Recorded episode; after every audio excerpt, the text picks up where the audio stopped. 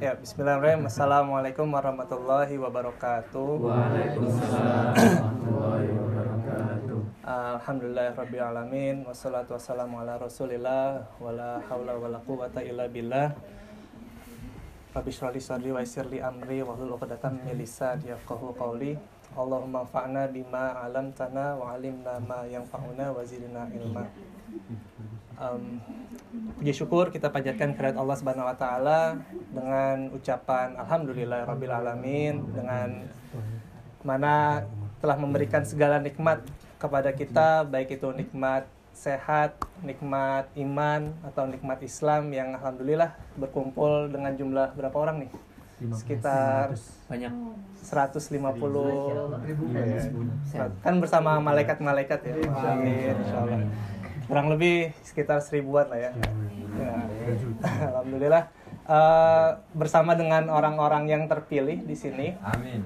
yang mana sudah menggerakkan hatinya untuk bisa berkumpul di mengisi uh, hari-hari terakhir yang dibilang sama Kang Yusuf apa injury time ya injury time di bulan Ramadan ini malam hari ke-26 menjelang malam ke-27 di mana ada apa kalau malam 27 tuh Ramadan biasanya ada ada buku. ada bukber pasti ya. Ya insya Allah uh, kita sama-sama mencoba untuk buat seperti yang tema disampaikan itu adalah sebagai Lailatul Qadar seeker gitu, pencari Lailatul Qadar. Um, insya Allah uh, kita akan uh, bersama-sama di sini mengkaji uh, hal yang tentang malam Lailatul Qadar itu seperti apa dan bagaimana nantinya. Salawat serta salam tak lupa juga kita junjung kepada Nabi besar Muhammad Sallallahu Alaihi Wasallam kepada para keluarganya, saudaranya, tabiin tabiinnya, sahabat-sahabatnya yang insya Allah uh, berkat mereka lah, berkat perjuangan mereka lah gitu ya. Tadi kalau bisa kan dibilang pemuda tadi ya, berkat pengorbanan mereka lah, berkat uh, kegigihan mereka lah gitu. Berkat keikhlasan mereka lah gitu. Untuk memegang teguh agama Islam, agama yang memang diyakini yang paling benar agama yang memang sesungguhnya ajaran Allah Subhanahu wa taala uh, turun kepadanya bersama dengan Rasulullah SAW sang pemimpin, sang penutup nabi sehingga sampai saat ini kita masih mendapatkan ilmunya dan juga uh, mendapatkan hasilnya gitu ya. Yaitu adanya Al-Qur'anul Karim, adanya sunnah-sunnah yang mudah-mudahan menjadi pegangan kita. Seraya kita berharap kita sama-sama um, berharap ingin menjadi apa ya subscriber setia gitu ya. Kalau sekarang tuh subscriber setia dari Rasulullah SAW di mana mudah-mudahan di yaumil akhir nanti ketika kita sudah dimatikan dan dihidupkan kembali itu sang Nabi Muhammad SAW mencari-cari kita gitu. Atau kita berkumpul mencari-cari rumbunan yang mana umat-umat Nabi Muhammad berkumpul di satu tempat dan kita diakui sebagai umatnya. Dan kita bisa dikumpulkan bersama-sama dan masuk ke surga surga bersama-sama yang diridhoi Allah Allah Subhanahu wa taala. Um, pada kesempatan kali ini mungkin tadi udah sedikit having fun ya. Uh, sama-sama kita sama uh, sama mencairkan suasana untuk buat mencari tahu pemuda itu seperti apa sih sejatinya pemuda tuh bagaimana. Nah namun untuk kali ini mungkin kita agak sedikit lebih serius gitu ya. Karena sesuai dengan pesan yang uh, disampaikan juga bagaimana kita mencoba lebih memaknai kembali uh, malam Lailatul Qadar ini sendiri. Sudah sejauh mana sih kita menjalani Ramadan kita ini sehingga sudah menginjak ke hari 26 sudah sejauh mana target-target kita sejauh mana kita berusaha untuk buat memaksimalkan waktu kita sejauh mana kita berusaha untuk bagaimana kita memuliakan uh, bulan Ramadan bulan yang suci yang mana banyak banget kalau dibilang di bahasa sini anggebot-anggebotnya gitu ya. Apalagi di 10 hari terakhir ini sendiri adalah adanya malam Lailatul Qadar di mana dengan nilainya seperti malam apa seribu bulan gitu amalan seribu bulan. Mudah-mudahan uh, dengan adanya pemaknaan ini dengan adanya kita sama-sama mencari tahu sejauh mana kita uh, sudah berdiri gitu ya sejauh mana sudah kita uh, berada di posisi ini gitu ya itu bisa lebih menambah semangat kita untuk beribadah. Mudah-mudahan ini juga menjadi sebuah uh, awalan juga ketika nanti kita iktikaf di masjid itu hal-hal apa saja yang akan kita lakukan itu akan bisa kita uh, jawab di sini insya Allah. Apakah menghafal Al-Quran menjadi salah satu target Ramadan kita? Nah, itu menjadi menjadi pertanyaan besar gitu. Karena seperti yang kita ketahui bahwa di bulan Ramadan banyak sekali uh, nilai-nilai amalan yang berkali-kali lipat Allah janjikan kepada kita yang mana ketika kita mencoba untuk membaca Al-Qur'an pun itu ya itu memiliki ganjaran yang lebih besar daripada biasanya. Padahal yang biasanya aja itu udah luar biasa gitu. Kenapa uh, kita dianjurkan untuk membaca Al-Qur'an? Kenapa Al-Qur'an itu menjadi salah satu ibadah yang sebenarnya mudah dengan ganjaran yang besar? Itu di hari-hari biasa aja itu memiliki nilai yang besar apalagi di bulan Ramadan. Karena dengan perhitungan satu sur satu ayat pun itu ya itu bernilai berapa? Pernah hmm. dengar 10 kebaikan gitu kan. Nah itu nggak juga apa di dalam hadisnya kan nggak bicara alif lam mim itu satu huruf tapi alif satu huruf lam satu huruf mim satu huruf.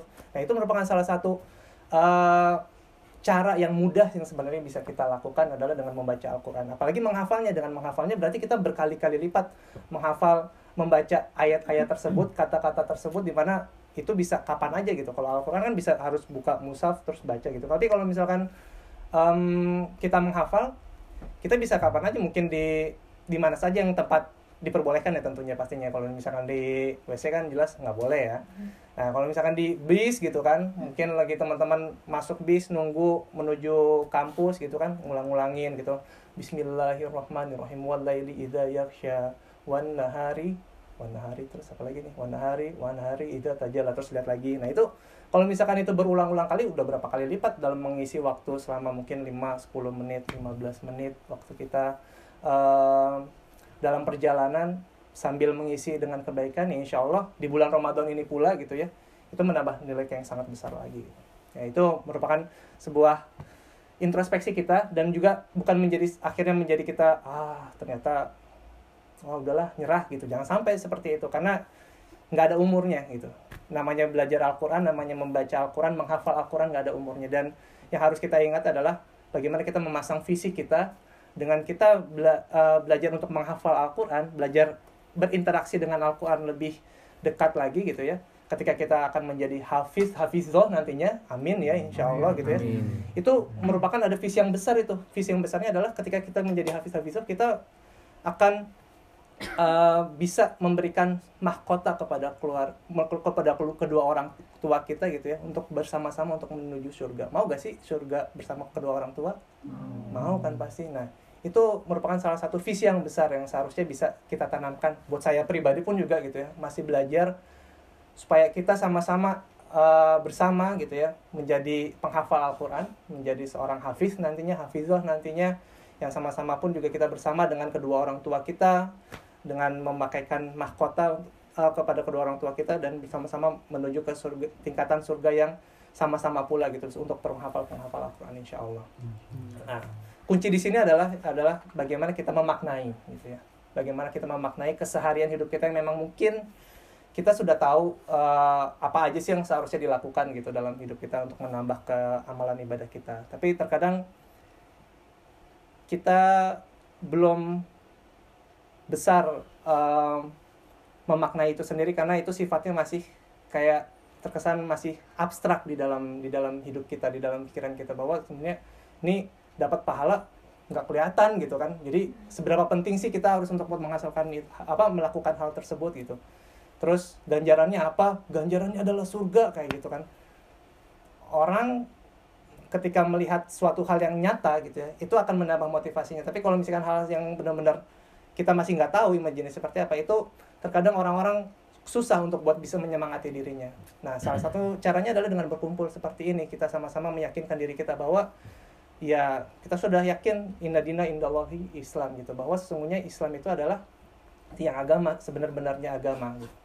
dan mudah-mudahan di malam Lailatul Qadar ini gitu ya mengisi mudah-mudahan ini juga menjadi malam Lailatul Qadar yang benar-benar Allah pilih tahun ini gitu ya di mana kita sama-sama sudah berusaha di sini menjadi orang yang terpilih. Em, kita berusaha untuk buat mengintrospeksi diri kita. Kita berusaha untuk eh, memfikirkan sudahkah kita eh, menilai Ramadan itu menjadi sebuah bulan yang memang kita cintai gitu ya kita sayangi? Kita masuk ya. Tapi kalau udah masuk nah, bisa lah ya nah kita mulai dengan ketika engkau akan ditinggalkan olehnya berat nih ya bahasanya ya ketika engkau akan ditinggalkan olehnya. Eh, mungkin saya ingin mencoba untuk memberikan sebuah ilustrasi ya ilustrasi eh, di mana pastinya teman-teman semuanya di sini pernah gitu ya mengikut pelatihan gitu kan. Entah itu pelatihan soft skill eh, pelatihan entrepreneurship gitu. Pelatihan apalagi yang semuanya su- semuanya pasti alamin pelatihan bahasa gitu kalian misalkan sebagai contoh-contoh gitu. Bahasa Jerman misalnya pelatihan yang pengen kuliah. Eh, S1 di sini pasti kan ada salah satu persyaratannya adalah menguasai bahasa Jerman. Dan ada sebuah lembaga yang menyediakan pelatihan tersebut dengan tujuannya adalah satu gitu. tujuannya adalah peserta-peserta yang ikut dalam pelatihan tersebut itu akan menguasai soft skill. Dalam hal ini adalah bahasa Jerman gitu. Akan menguasai suatu kemampuan gitu. Misalnya pelatihan bahasa Jerman adalah berarti tujuannya adalah pesertanya adalah bisa bahasa Jerman gitu. Dan uh, lembaga ini uh, kita pilih gitu ya. Ketika kita memang ingin gitu ya peserta kita menjadi pesertanya kita butuh ada rasa keinginan dan kebutuhan kita yaitu adalah kita juga pengen bisa bahasa Jerman. Dan lembaga tersebut menyediakan. Dan pastinya ketika kita memilih uh, sebuah lembaga dalam pelatihan yang kita inginkan yaitu pelatihan bahasa Jerman itu kita kan pasti akan milih-milih. Banyak banget kayak misalkan ada Gute terus apalagi kalau di Indo? Wisma Jerman. ada atau kan setiap manajemen punya gitu wisma wisma Jerman kayak gitu. Pastinya kita kan memilih di mana kira-kira yang paling cocok buat kita. Nah kalau misalkan kita milih itu sendiri kriterianya apa sih yang yang akhirnya kita pilih lembaga tersebut. Wah ini oke nih lembaganya. Kriterianya apa sih? Murah. Terbukti. terbukti. Ada alumnus yang memang bisa sukses gitu ya alumni. alumninya terus apa lagi? Alumni lulus. pengajarnya ganteng nggak? Iya, oh iya. iya iya iya. Iya, pengajarnya oke gitu. Atau pengajarnya langsung diturun dari Jerman. Berarti adanya eh, apa em, kualitas di situ gitu kan adanya kualitas di situ dan pastinya banyak lagi yang akhirnya kita meyakinkan diri kita bahwa kita mengikuti lembaga tersebut kita bisa mendapatkan apa yang kita inginkan yaitu dengan menguasai bahasa Jerman dan lembaga tersebut itu sendiri juga merasa puas eh, dengan eh, memberikan fasilitas yang memang sangat eh, memuaskan gitu. Namun terkadang ada juga eh, lembaga-lembaga yang biasa-biasa aja juga itu bisa kita ambil juga, tapi kita juga bisa sukses di sana. Kenapa coba? Ketika ada lembaga yang sangat luar biasa gitu ya, terus ada lembaga yang biasa-biasa aja, tapi kita juga bisa sukses ketika masuk di lembaga biasa-biasa itu karena murah, terus pengajarnya nggak langsung dari Jerman ya, tapi cuma dari alumni alumni alumni alumni alumni yang pernah kuliah di Jerman atau mungkin orang-orang yang ikut sastra Jerman gitu ya. Tapi kita bisa sukses di sana, kita bisa menguasai bahasa Jerman di sana. Yang menjadi membedakannya itu apa? Individunya. Kenapa individunya? Kemauan. Terus apa lagi? usaha Usaha. Terus apa lagi? IQ. Wah, IQ. Berdoa. Oh. Terus apa lagi? Serius ya sungguh-sungguh gitu ya. Jadi ternyata bukan di lembaganya gitu ya. Bukan di lembaganya tapi di orangnya tersebut gitu. Nah dari ilustrasi ini saya nggak ingin membicarakan secara lebih spesifik terhadap lembaga atau bagaimanapun itu sendiri tapi kita pun juga sebenarnya bisa gitu. Kalau misalkan kita uh, menganalogikan gitu ya uh, Ramadan ini sendiri menjadi sebuah pelatihan. Menjadi sebuah pelatihan yang mana kalau misalkan emang bisa di tanda kutip ya pastinya melebihi gitu ya uh, dari yang apa yang kita pikirkan. Kalau misalkan kita uh, mengambil rasa ini Ramadan ini menjadi sebuah pelatihan. Bisa jadi nih pelatihan ini adalah pelatihan yang paling terbesar gitu ya. pelatihan terbesar di dunia bahkan seantero jagat raya kali kalau misalkan bisa dibilang. Kenapa? Karena yang mengatur itu semua adalah siapa? Allah gitu sang pencipta kita. Yang membuat pelatihan tersebut yang mengatur itu semuanya di mana yang menjadi pesertanya itu bisa jadi peserta terbesar sedunia yaitu adalah muslim di dunia gitu. Di mana pelatihan ini sendiri pun juga memiliki tujuan. Memiliki tujuan tujuannya adalah apa coba? Yang tercantum sering kita dengar di dalam surat Al-Baqarah ayat 183 wah ini cluenya jelas banget Ya ayyuhalladzina amanu kutiba alaikumus siyam kama kutiba alal ladzina min qablikum la'allakum tattaqun. Di mana pelatihan ini gitu ya di bulan Ramadan ini sendiri yang menjadi menitik beratkan adalah kita disuruh apa? Berpuasa kan? Di mana itu adalah salah satu tugas dari pelatihan tersebut. Kamu tugasnya satu adalah untuk berpuasa. Gitu, untuk berpuasa sebagaimana orang-orang sebelum kamu untuk menjadi tujuannya adalah menjadi orang bertakwa. Nah, menjadi orang bertakwa, bertakwa itu sendiri adalah maknanya luas gitu ya. Orang yang benar-benar hidupnya itu sendiri untuk beribadah gitu ya. Apalagi sebagai pemuda tadi udah dikasih tahu bahas habis-habisan di sama Kang Yusuf bahwa kita tuh benar-benar harus memiliki jiwa pemuda yang mana membelakan agama Islam. Nah, kalau misalkan kita bisa ingin membela agama Islam, apa yang harus kita punya itu sendiri gitu. Kita mau bela, iya Islam ini benar. Kenapa benar Islam? Em, ya pokoknya benar deh. Apakah kita akan menjawab seperti itu? Ya, jangan sampai gitu ya. Kita harus punya modal di situ. Nah, modalnya adalah apa? Keseriusan tadi. Lembaganya pelatihannya udah besar banget nih dengan mana segala macam kurikulumnya itu sendiri bisa jadi kurikulum yang paling canggih yang mana lembaga-lembaga lain pernah adakan gitu dalam pelatihan-pelatihan itu sendiri. Itu sudah dikasih fasilitas yang sangat banyak fasilitas yang luar biasa.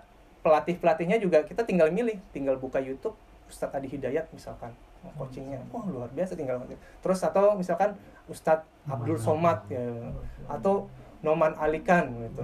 Atau Mufti Meng gitu. misalkan yang mau lebih internasional kayak gitu. Atau siapa pun itu itu coaching-coachingnya pun juga sudah disediakan oleh Allah Subhanahu Wa Taala yang mana turun temurun melanjutkan ajaran-ajaran yang diberikan oleh Rasulullah Shallallahu Alaihi Wasallam.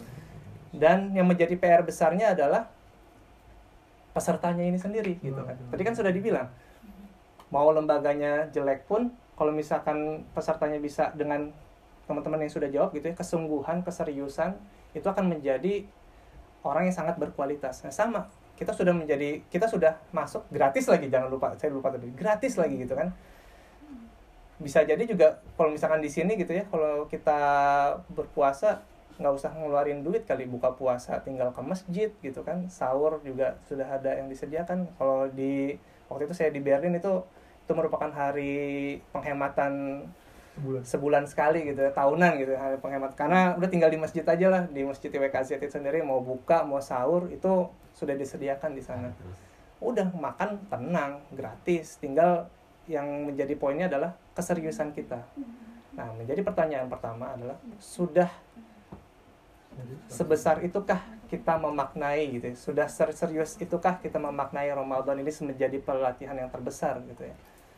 Untuk mendapatkan um, nilai ketakwaan di dalam hidup kita? Itu pertanyaan pertama. Nah pertanyaan yang kedua. Ilustrasi yang kedua. 10 menit lagi. Uh, mau ngomong apa tadi?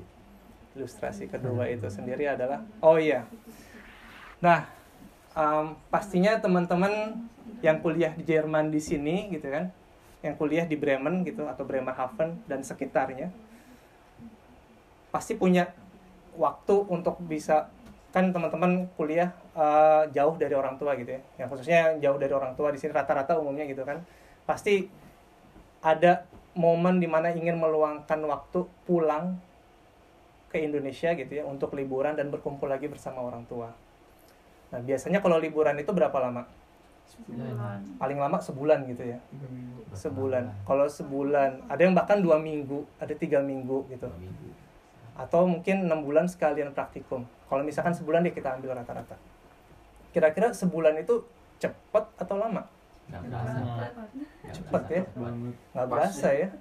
Kalau misalkan sebulan itu tuh rasa tuh hari pertama nah kalau misalkan kita tahu cepet nih misalkan ketika kita pulang nih itu apa yang kita lakukan selama kita liburan Makan. Makan. Tidur. Tidur Jajan. Tidur. kuliner jajan Ketemu. ada yang hal direncanakan kan Reuni, reuni. reunian Taruh di mana dulu nih? terus apa lagi Sama mantan mantan itu. sama sama mantan mantan mantan apa mantan sepam mantan mantan teman mantan teman majikan.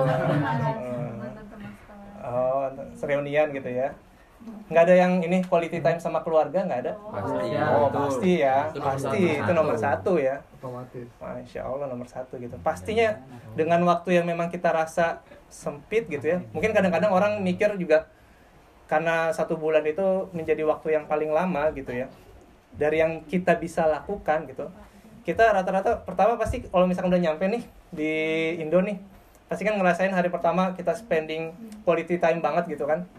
Eh, sama keluarga gitu. Terus kita mikir ah masih ada 29 hari lagi gitu kan. Terus hari kedua wah masih ada 28 hari lagi. Terus akhirnya mencoba untuk buat kita atur jadwal serapih mungkin gitu ya. Kita atur jadwal sematang mungkin di mana semua itu kalau bisa bisa dapat hari pertama somai sorenya ketoprak gitu ya hari keduanya PMPU jadi ngomongin makanan nih jalan-jalan misalkan jalan-jalan ke Bali misalkan jalan-jalan ke Derawan jalan-jalan ke Demak jalan-jalan ke mana gitu pokoknya masjid masjid Oh, masih. Mana ya? Tahunnya Bali doang nih.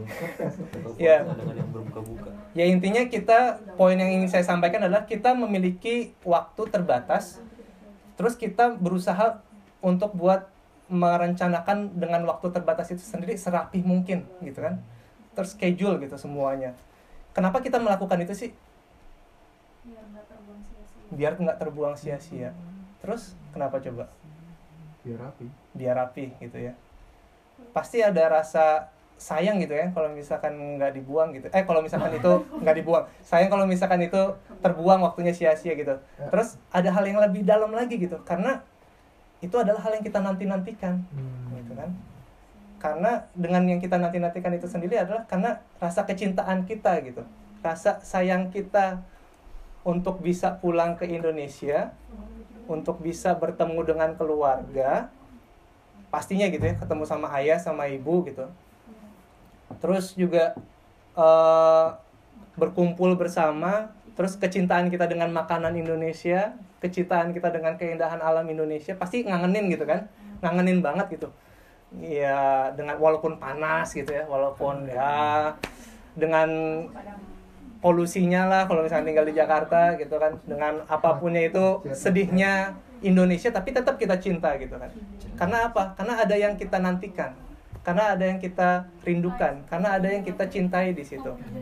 Nah coba kembali lagi gitu ya. Kita analogikan kita analogikan bagaimana kecintaan dan kerinduan kita dengan bulan suci Ramadan. Apakah sebesar itu juga kita menanti-nantikan bulan Ramadan kita? Yang mana belum tentu semua orang bisa mendapatkan Ramadan tersebut. Bisa menjalankan 30 hari Ramadan dengan sangat bisa sangat sangat sempurna gitu ya 30 hari bisa dilaksanakan 29 atau 30 hari. Yang sebelumnya kita juga pernah dengar ah, kita dengar sama-sama gitu beritanya bahwa ya Ustadz almarhum Arifin Ilham pun juga nggak bisa merasakan Ramadan sampai akhir gitu. Nggak semuanya bisa merasakan. Tapi semuanya kalau bisa harus menantikan itu sendiri. Sebesar itukah cinta kita terhadap Ramadan? Gitu kan. Nah coba kita pikirkan lagi dan pastinya kalau misalkan kita balik lagi kita ke liburan tadi gitu ya. Kita kita liburan tuh hari udah tinggal udah dia tinggal seminggu hari terakhir nih gitu kan. Pasti kan ngerasakan ya kok cepet banget sih gitu kan. Terus langsung ah pengen nambah gitu tadi. Bisa gaya tiketnya nih flexi nggak tiket spar price banget kayak gitu. Bisa deh tambah gitu. Ah pengen banget gitu. Ah sedih pokoknya ada rasanya gitu sendiri. Nah tambah. Udah. Pasti semakin hari kita hitungan pasti kita langsung hitung tuh tinggal tujuh hari tinggal enam hari ah udah tinggal lima hari wah apalagi udah tinggal tiga hari tuh. Udah pengennya maunya sama keluarga aja tinggal terus tuh pokoknya ngobrol sama ayah ngobrol sama ibu ngobrol sama semuanya pokoknya bener-bener quality time banget deh gitu. Nggak mau pisah gitu. Nah sekarang sedih kan pasti ya kalau misalkan ketika sudah hari haknya wah pergi ke Jerman lagi. Kita yang meninggalkan orang tua kita gitu ya ke Jerman untuk buat belajar itu juga sedih gitu kan. Rasanya tuh sedih gitu ya. Itu bagaimana dengan posisi mereka? Maksudnya kita balikan posisinya. Bagaimana dengan orang tua kita yang melihat kita pergi gitu ya? Ya walau alam kita bisa ketemu lagi apa enggak walau alam kita bisa kumpul bareng lagi atau enggak. Saya juga jadi baper. Saya ngomong itu juga jadi baper deh. Eh, ya kan eh, ya kullu nafsin zaikat eh kullu nafsin kullu nafsin apa apa kullu nafsin zaikatul maut ya. pakai sin ya pak ya? Kullu nafsin. zaikatul maut. Bahwa sesungguhnya adalah setiap manusia akan mati. Kita nggak tahu gitu kita pergi untuk buat satu tahun berikutnya untuk bisa ketemu lagi apakah akan kita bertemu lagi gitu kan. Nah sedih rasanya gitu kalau misalkan kita uh, bertemu dengan orang tua kita terus harus berpisah orang tua juga kita pasti sedih. Nah bagaimana dengan Ramadan? Gitu. bagaimana dengan Ramadan yang mana sekarang udah tiga hari lagi? Apakah kita rasanya itu sudah sebesar itu? Gitu ya berarti kan kita habis Idul Fitri ya. pertanyaannya nih pertanyaannya kita yang meninggalkan Ramadan atau kita yang ditinggalkan Ramadan? Kita yang ditinggalkan. Ramadan. Berarti posisinya adalah bagaimana seperti rasanya orang tua yang ditinggalkan oleh kita gitu. Ya. apakah sebesar itu rasa sedih kita ketika kita ditinggalkan oleh bulan suci yang mana Allah sudah janjikan bahwa orang yang berpuasa itu itu untukku gitu bukan untuk orang lain tapi untukku. Allah yang menilainya. Allah yang menilainya. Nah sudah sebesar itukah rasa sedih kita ketika ditinggalkan oleh Ramadan apalagi di malam-malam akhir ini sendiri gitu. Mudah-mudahan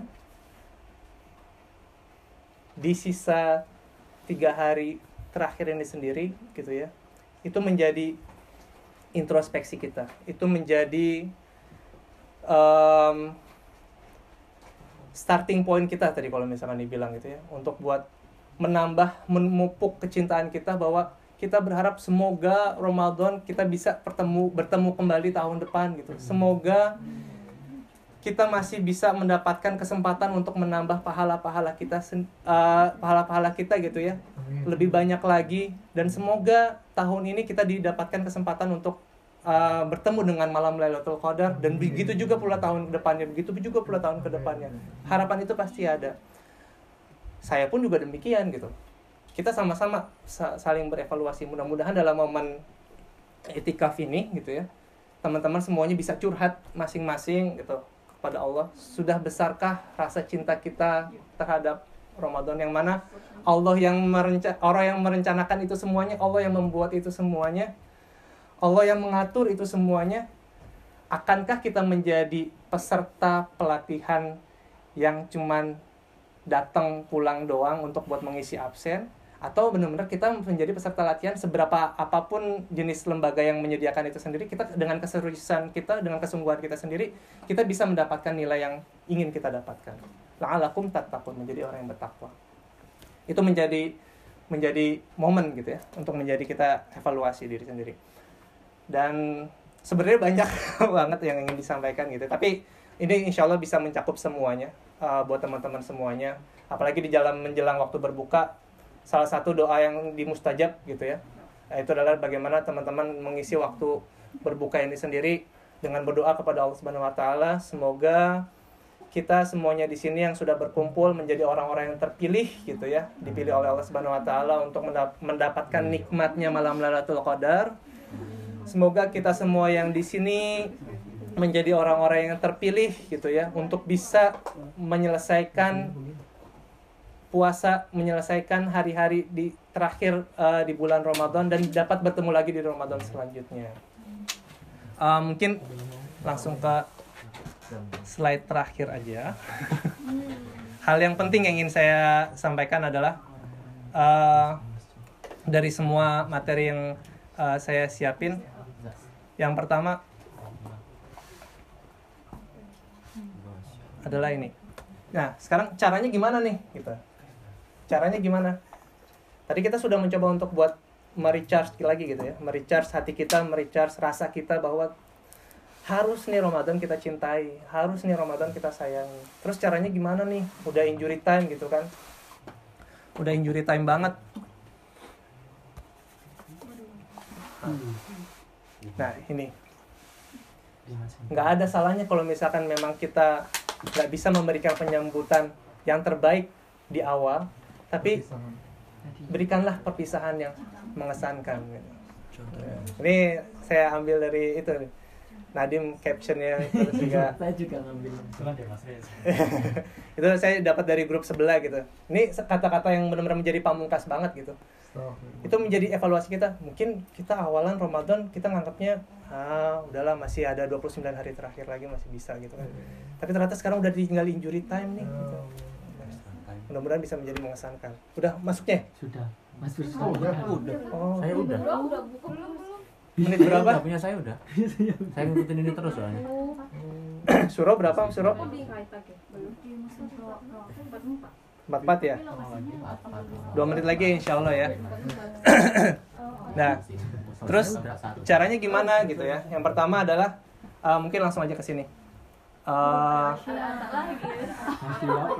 lain kali lah, lain kali lah ya. Tahun depan insya Allah kalau misalnya ketemu kita bahas semuanya. Iya. Nah, mungkin di sini salah satu uh, langkah yang memang uh, Rasulullah SAW juga uh, dalam hadisnya disebutkan bahwa dalam mengisi mengisi malam Lailatul Qadar jangan lupa baca doa untuk buat yang paling kita banyak lakukan adalah minta ampun gitu. Tadi kita sudah merasakan kita udah benar-benar besar itu gak sih cinta kita gitu terhadap Ramadan. Kalau misalkan enggak, ya minta ampun gitu. Minta ampun kepada sang pembuat semuanya gitu sang pencipta sang pembuat sang pengatur semuanya kita maaf minta ampun bahwa disebutkan dalam eh, riwayat eh, hadis riwayat hadis eh, Ahmad terus Atur Muzi dan lain-lainnya dari Aisyah radhiyallahu anhu beliau bertanya kepada Nabi Muhammad sallallahu alaihi wasallam "Wah- wahai Rasulullah jika aku menjumpai satu malam merupakan Lailatul Qadar apa yang harus aku ucapkan di malam itu? Beliau menjawab ucapkanlah Allahumma innaka afuwun karim tuhibbul afwa fa'fu anni kalau buat bareng-bareng fa'fu anna.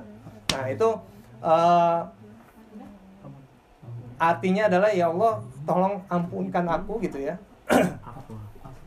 Dan terimalah ampeng, eh, terimalah permohonan maaf aku kayak gitu intinya seperti itu kurang lebih nah kita ucapkan itu berkali-kali kita ucapkan begitu kali-kali dan semoga kita semuanya pun juga bersama-sama bisa menjaga keistiqomahan kita eh, dengan ada satu doa lagi Udah mas.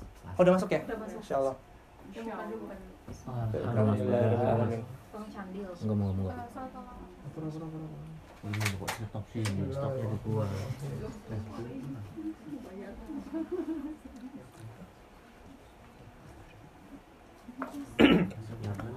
Ya, yang terakhir adalah salah satu doa untuk bagaimana kita mencoba untuk menjaga keistiqomahan kita.